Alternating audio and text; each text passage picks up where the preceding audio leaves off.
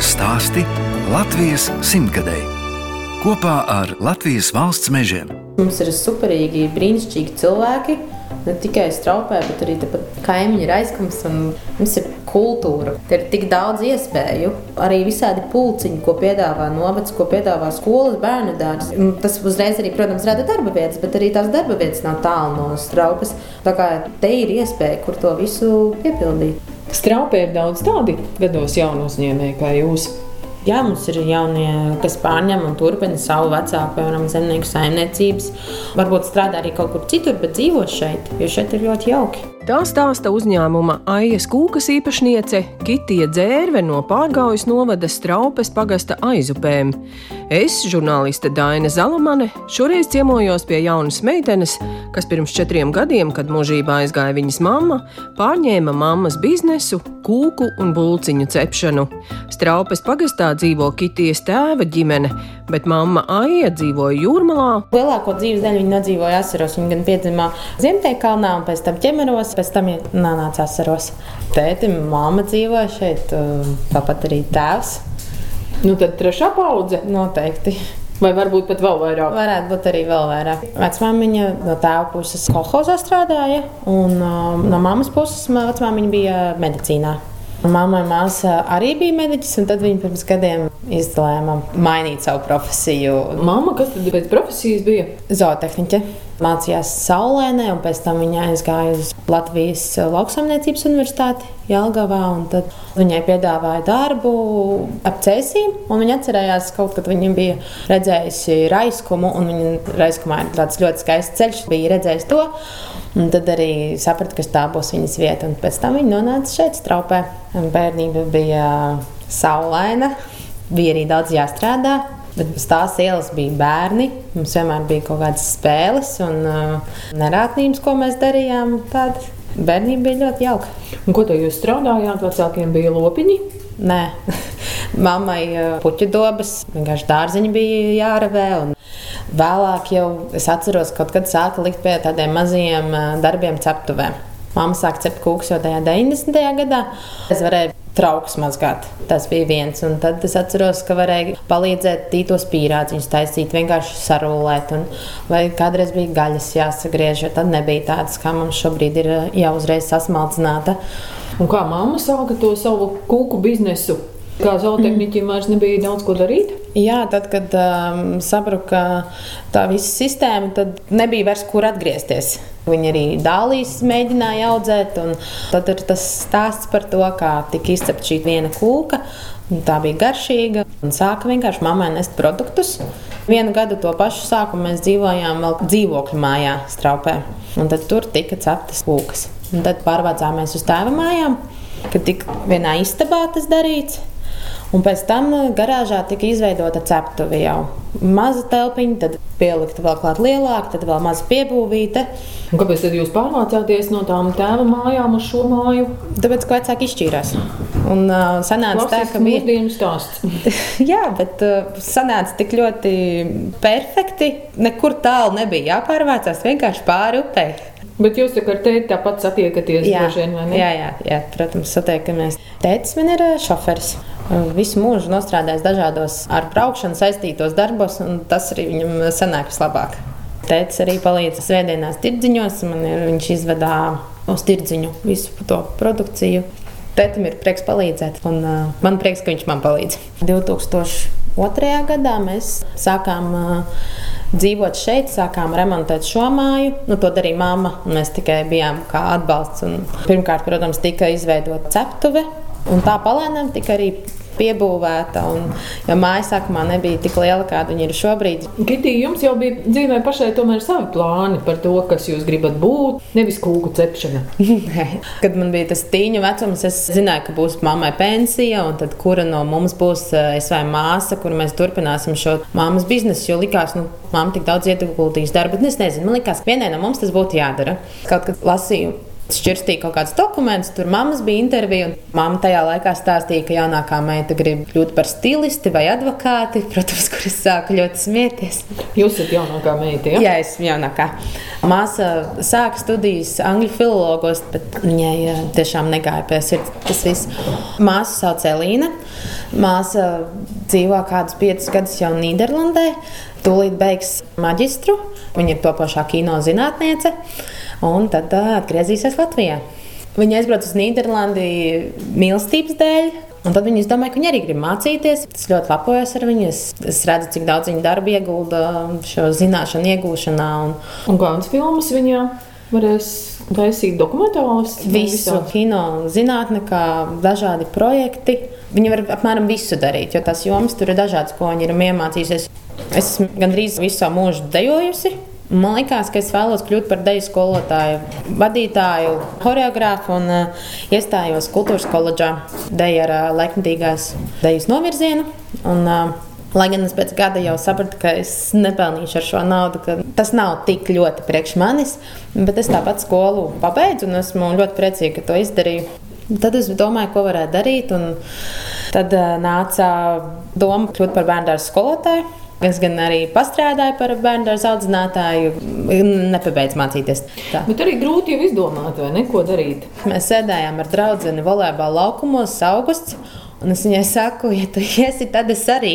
Un tā mēs abas aizgājām. Bet tajā laikā es turpināju dzīvot Rīgā un mācīties. Un tagad es mācos uzņēmējdarbības vadību arī Sebes augstskolā.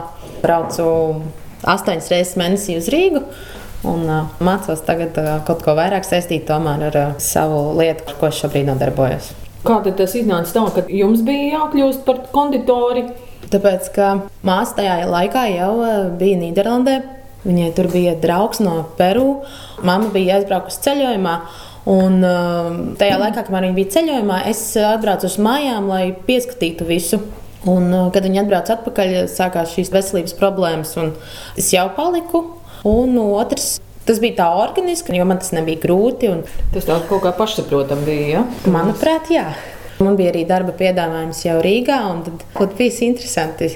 Bet es uh, esmu ļoti apmierināta ar to, ko es daru. Un, uh, nav tā, ka es nevarētu vēl kaut ko kādreiz citu darīt. Bet jums arī pašai interesēja tās konditorijas lietas, vai vienkārši mamma to darīja un bija jādara? Tieši tā, mamma to darīja un bija jādara. Arī puķa dobas man neinteresē, bet man tas bija jādara. Tagad, protams, ir citādāk. Ja mamma vēl būtu, manuprāt, tas noteikti nebūtu šeit. Divas saimnieces vienā virtuvē nevar būt. Nu, tajā brīdī strādāt Rīgā, ar to algu uzturēt sevi un vēl šo māju. Tad vienkārši bija sanākt, ka māja jāpārdod. Manuprāt, mans dzīves šis ceļš ir ļoti labi ievirzījies lietas, ko es nevaru izdarīt tagad, es viņas izdarīšu pie puķu dobēm. Viņas vairs nezina tā kā mammas laikā. Es gan sākumā mēģināju visu kaut ko tur skrēju, bet es biju tik ļoti noskrējusies ar visiem tiem darbiem. Man liekas, ka man viss ir jāpaspēj. Tagad tas viss ir ļoti daudz vērīgāk. Nu, izdarīt var tik, cik var izdarīt. Un es nepārmetu sev, ka tas nav izdarīts. Jā, kādreiz liekas, nu, vari vēl vairāk, bet es tev vienkārši vairs to nepārmetu. Latvijas stāsti.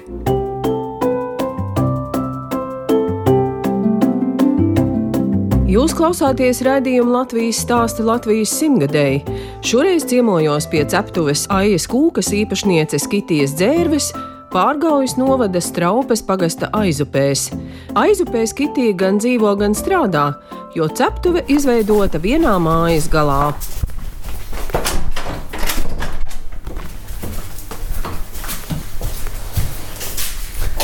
Šeit tiek rulēta Napoleona mīkla, jo šajā vietā rulim ir vieta, jo viņš atveras un tad ir tāds pa visu šo telpu. Šeit tiek arī parastas mērētas kūkas, garnētas. Kas te jums te vēl ir? Visādas sēkliņas. Jā, tās ir sēkliņas sēklu kliņģerīšiem un ķimeņa kliņģerīšiem. Tāpat arī kondensētais vārītais piens, to mēs paši izvāram rozīnes, priekš piespiedu maizēm. Jā, dažādi rotājumi. Jā, rotājumi, dažādi tie augļu gabaliņi.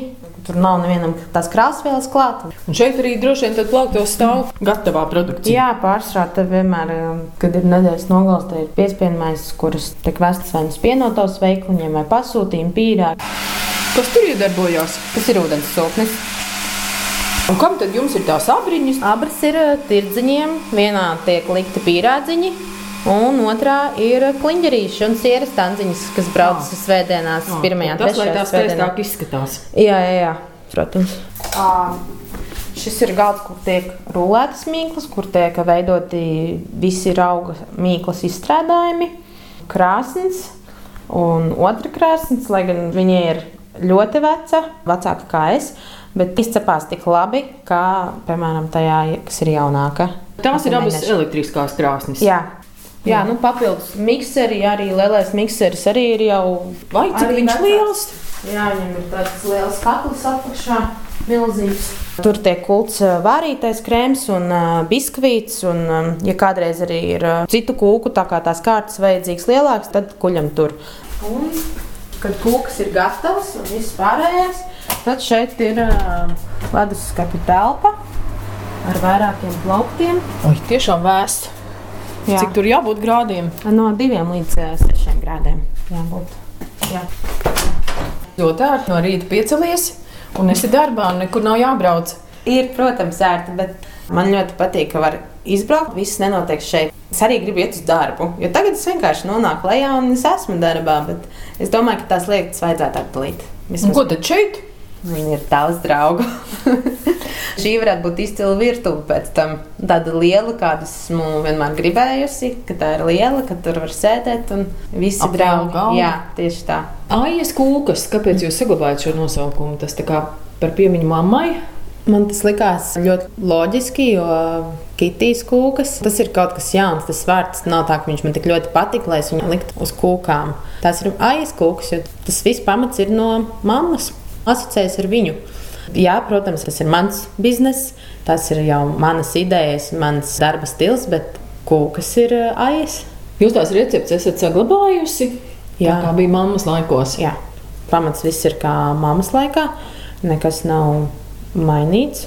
Un tās kūkas, kas rodas no jauna, viņas varbūt neiet tajā pašā virzienā, bet tādas pamatlietas kā tīrs un dabīgs ir joprojām. Māma ir saglabājusi arī visas tās receptes uzrakstītā veidā. Jā, jūs- tas ir tādās grāmatās, un uh, es jau viņas kaut kad zināju no galvas. Tāpat bija jāapslīd un jāstrādā. Māma cep arī tos ūdens kliņģerīšus.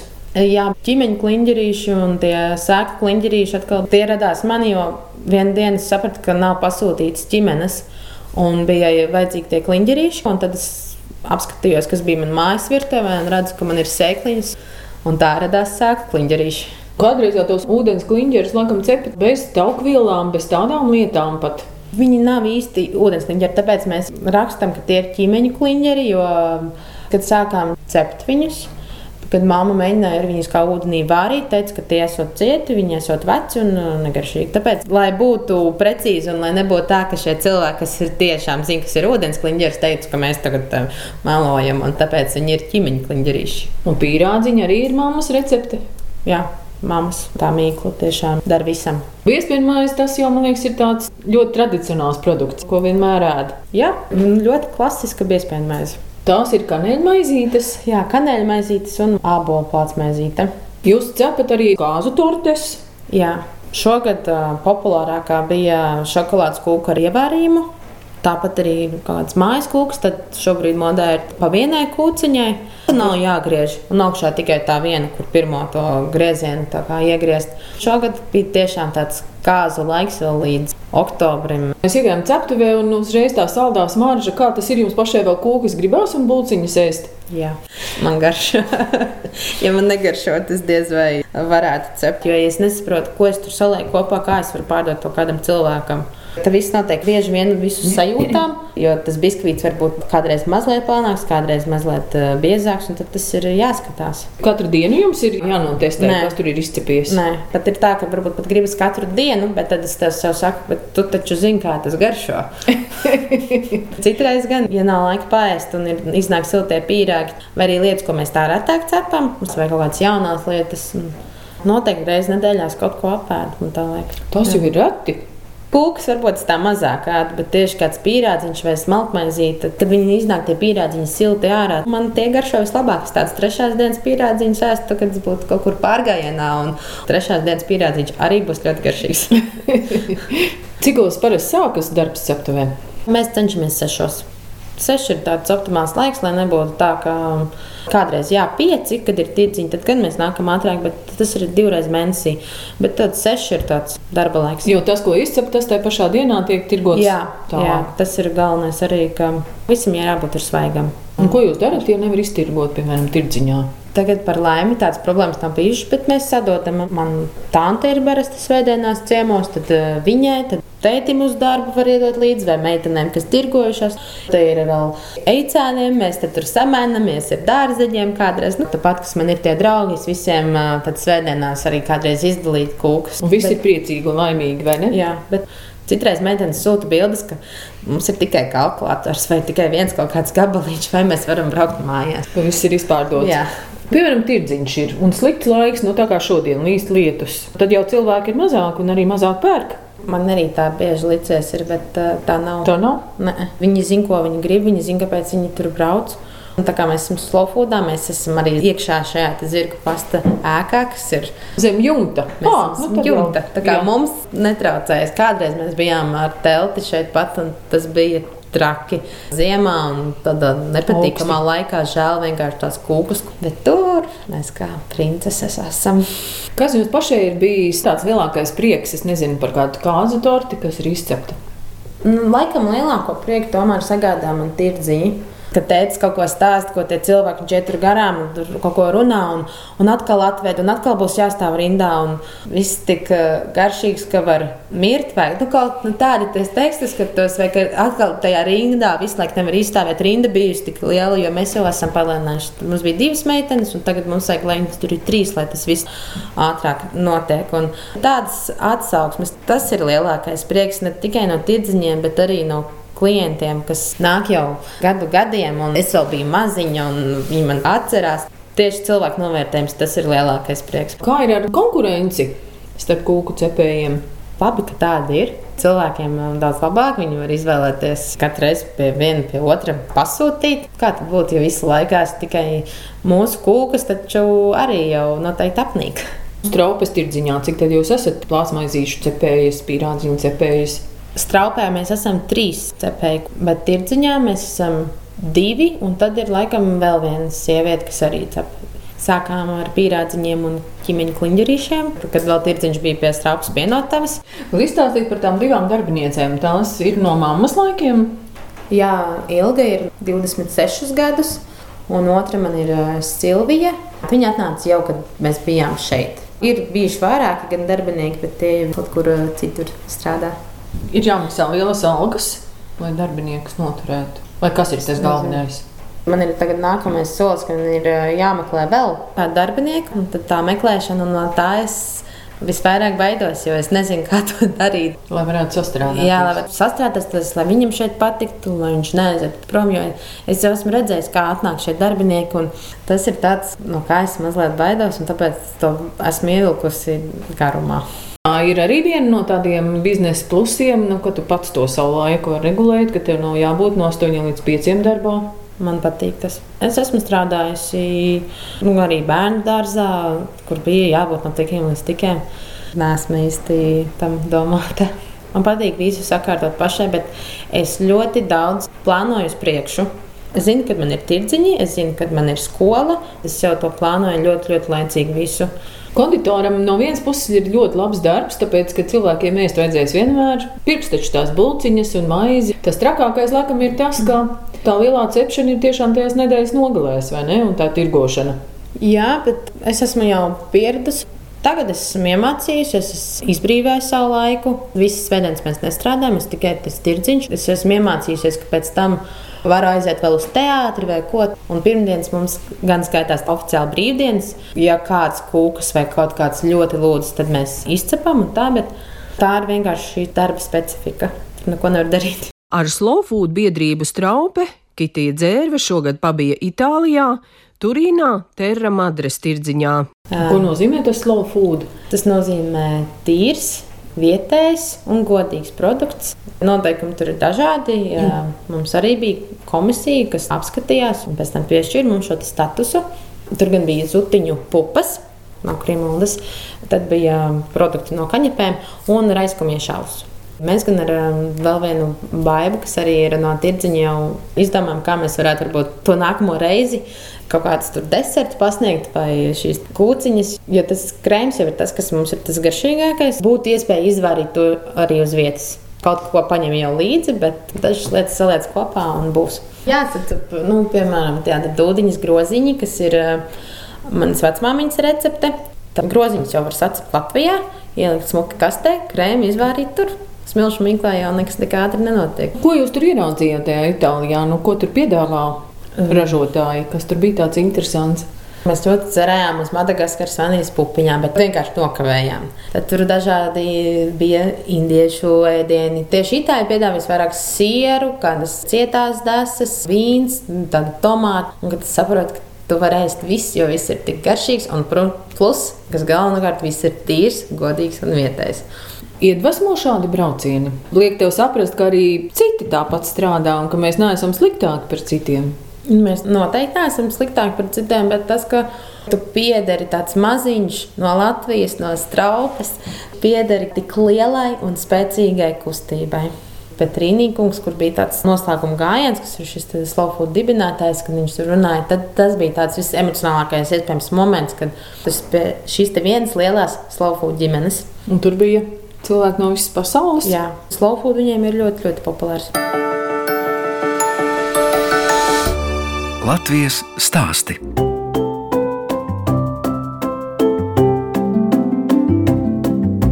Skan raidījums Latvijas stāsta Latvijas simtgadēji. Turpina ciemoties pie Kitijas dzērves, kas pirms četriem gadiem pārņēma mūžībā aizgājušās mammas biznesu, bulciņu un kūku cepšanu. Pēc Kitijas ieceres mājai uzbūvēta veranda, no kuras paveras skats uz dīķi un braslas upi, bet par mammu atgādina viņas veidotās istabas sienas un mūrītis pie malkas plīts. Vispār viss šis ir mammas darbs, jo Otrā pusē tur atrodas malkas plīts, ko es arī saglabāšu. Jo, kad to iekurini, vai arī kad tur gatavo ēst, tur ir uzreiz tāda omulīgāka vēl sajūta. Tas ir mūrīts. Jo jā. tur nāk siltums. Tur arī jā, plīts. vēl plus nāk siltums, un tad tur patīk sunim vai, vai kaķiem gulēt. Un tās istabas sienas tādas zili, baltas, mm. krāsotas, tas arī mammas darbs. Jā. Nu, viņai patika visu kaut ko eksperimentēt, kā arī vēl dažās vietās var redzēt. Tās sienas viņai ir sanākušas, manuprāt, ļoti labi. Un tā glezna virs klavierēm, tas arī ir mammas darbs. Nē, tas ir māsas draudzenes Dācis Lokas. Viņa ir uh, scenogrāfe darbs. Es jau te priecājos par tiem dažādiem krēsliem. Senlaicīgajiem, kas nav šais laikos pirkti, vai savu kolekciju gandrīz. Gadu gaitā kāds ir viņus uzdāvinājis, vai kaut kā viņi ir tā arī nonākuši pie mums. Klavieres ir. Klavieres jūs ar Kitiju kādreiz uzspēlējat? Jā, es lēnām kaut kad pamācos kādas skaņdarbus, īpaši no filmām. Ja es dzirdu kādu mūziku, tad es izprintēju pēc tam notis un cenšos kaut ko mācīties. Klavieris ir manas vecmāmiņas draudzenes, ar ko viņa mācījās kopā Frančijas licejā. Dāvana manai māsai. Jo tad, kad mēs aizbraucām pie viņas ciemos, viņa bija skolotāja. Mēs 1. septembrī vienmēr braucām uz uh, skolotāju mājas traupē, un tad mums tur bija abām jāspēlē tās klavieres. Mammai arī patika, kā mēs spēlējām klavierus, bet nu, mums grūti gāja. Varbūt viņai vienkārši patika. Šo māju sauc aizupes. Jā. Māja ir aiz upes. Vai nu pirms vai aiz, bet jā, viņi ir Braslas upes krastā. Un ļoti skaisti ir gan pavasaros, gan vasarās, un arī ziemās ir īpaši, kad upes līkums ir vai nu ar sniega kupanām, vai kad tikko tie krūmiņi sāk zaļot, vai, vai vasarā, kad slēpotāji brauc un ļoti skaisti. Kur tad tā upe, nu redz, te ir dīķīts pie mājas. Jā. Upe ir tālāk, ja? Jā. Bet arī ir apkārt tādi lieli veci koki. Tā šī arī bijusi tāda sena Jā, tā... māja vieta. Jā, es gan precīzi nezinu, nu, kurā gadā šī māja ir celta. Jā, bija arī tās milzīgās seglas. Lielu ozolu jūs aizvidū tomēr esat saglabājuši. Tas ir ozols. Kitijai ir vairāki kaķi un suns Roberts. Mums bija pirms tam arī taksītis Rudolfs. Rudolfs, diemžēl, nokot medībās un likās, ka vajadzētu vēl vienu šādu. Tad uh, mēs domājam dažādus vārdus. Un mamma teica, Roberts, tā, jā, Kad viņi pateica, Roberts, tad bija tā kā, nu, ir. Tas ir arī mazais kaķis, ir Igors. Nu, vienkārši tā, ka tie cilvēku vārdi ir kaķiem. Un, uh, Roberts ir lielais brālis abiem kaķīšiem. kaķīšiem jā. Nu jā, viņi jā. nav tikai dzīvnieki, viņi tomēr ir ģimenes locekļi. Jā, un Robertam tiek stāstīts, kas notiks, kur mēs brauksim, kā tev jāuzvedās. Ir. Bet viņš arī ļoti labi uzvedās. Ko jūs darāt brīvajā laikā? Tagad jūs arī studējat. Jā, man... Kā jūs vispār izdomājat, ka jums vajag vēl kaut ko mācīties? Viens iemesls, tāpēc, ka man gribas bakalaura grādu. Tas koledžas izglītība bija tikai pirmā vai, nu, līmeņa. Tas nebija tāds īsts. Sāku vadīt aizkūks un ir kaut kādas lietas, kas nav skaidras. Ja es gribu būt vēl nākotnē laba biznesmene, tad man ir jāmācās visu laiku, jāķer, kas notiek jauns. Jo biznesa vairs nenotiek tā kā pirms 20, 10, nezinu, 40 gadiem. Un studijās jūs iegūstat to, ko jūs gaidījāt? Ko jā, kaut ko nē, bet vispār nenožēloju, ka esmu aizgājusi. Tas, ko es paņemu, tas arī man paliek. Tad, kad ir rezultāts, tad es pieļauju, ka sapratīšu. Varbūt tas būs pēc pieciem gadiem, kad sapratīšu, ka šis ir tāpēc, ka es to izdarīju, jo es iegūšu tādas zināšanas. Tuvu Rīga, tuvu Cēsis, Valmiera. Jā, tas man ir uh, lielākais pluss. Ja man patīk izbraukt no straupas un piedzīvot visu kaut ko, ko piedāvā lielās pilsētas, un tāpat Rīga man joprojām ir ļoti mīļa. Muzeja, ja ir kāda izstāde, tad kāds muzejs, koncerts, teātris, bet visvairāk tie ir draugi, kas visu ietver tālāko sevi. Arī tāpat cēs, sagribas uz kino, apēr biļeti, brauc uz kino. Un kur tad cēsīs rāda kino? Koncerta zālē. Tur ir uh, maza kino zālīte bez popkorna, kas ir ļoti patīkami. tu vienkārši aizēji noskaties kvalitatīvu filmu. Šodien es zinu, ka ir lustrums. Nu, es negribētu pie viņas ēst popkornu, un vai kāds man tur grabina. Labi, latviešu swingeri. Ar popkornu kopā, jā. Vieglas filmas, kur tev netraucē. Tur es saku draudzenēm, ja mēs kaut kur braucam, vienkārši paņemiet mani līdzi. Cik tālu jūs braucat pa Eiropu vai tālāk? Tagad ir sapnis par Eģipti. Kad, tad, kad Latvijā ir ziema, tad vienkārši aizbraukt un uh, sasildīties. Daudz mums nesanāk kopā, jo ir kaut kādas vasaras, kad es netieku. Man tas laiks ir ļoti ierobežots to šo ceļošanu. Bet uh, Eiropa, un tad mēs sākam domāt, kas mums varētu patikt, un tad kādai ir jā, kādai nē, un tad ļoti dažādi kādas ir tās domas. Bet mēs agri sākam domāt par to, ko varētu un kā varētu. Pēc pieciem, desmit gadiem, ja es pie jums atbraukšu, būs tāds aptuvīte, tad prom no mājas. Es domāju, ka pēc tam desmit gadiem noteikti, pēc skolas beigšanas, kad tad jau sāka domāt par to, ka viņa tiek lēnām plieti pamati un viss pulvēts, ģimene un vēl kāds suns. Tad būs vairāk laika vienkārši. Ja? Jā, tas ir tāds, kas um, pēc skolas vēl viens suns, un lai varbūt Robertam vēl kāds draudziņš ir. Un... Lai ir ar ko pastaigāties, lai nav jāguļ tik daudz. Ne, nu, lai es saprotu, ka man ir divas atbildības. Ko visvairāk mīl, tas visvairāk arī bieži cieš. Viņš ir tik saprotošs, ka ir jau žēl, ka ir kādreiz viņam tās bēdīgas acis. Bet tās priecīgās, kad mēs esam ārā. Par ģimeni arī jau jūs domājat par savu ģimeni? Jā, es vēlos ģimeni. Noteikti, kurš man tās puķi tops ravēs. Vai kādu bērniņu, jā, lai paramēs? Lai ir kas palīdz. Jūs taču esat meitene ar lielu māju un biznesu.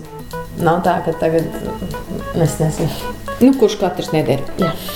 Tas jau nekas, ka man ir biznesa un māja. Tas ir ar mani jau ir jādzīvo kopā, ne jau ar uh, biznesa un māju. Tas nāk tikai plusā.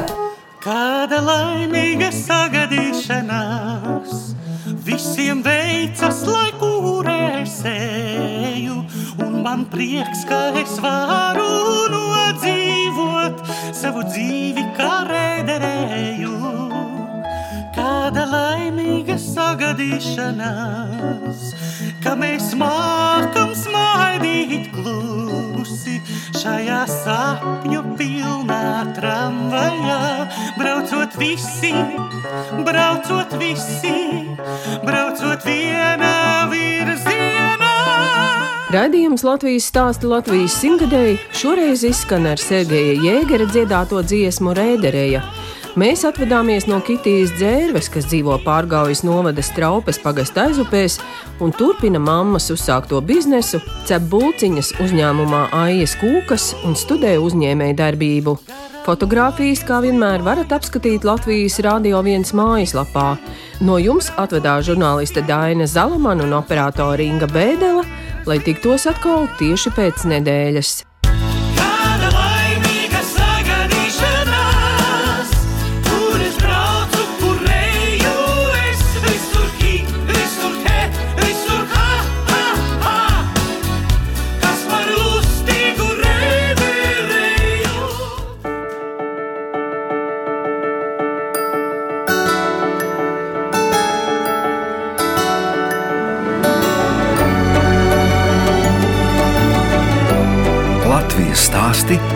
Latvijas simtgadēji kopā ar Latvijas valsts mežiem.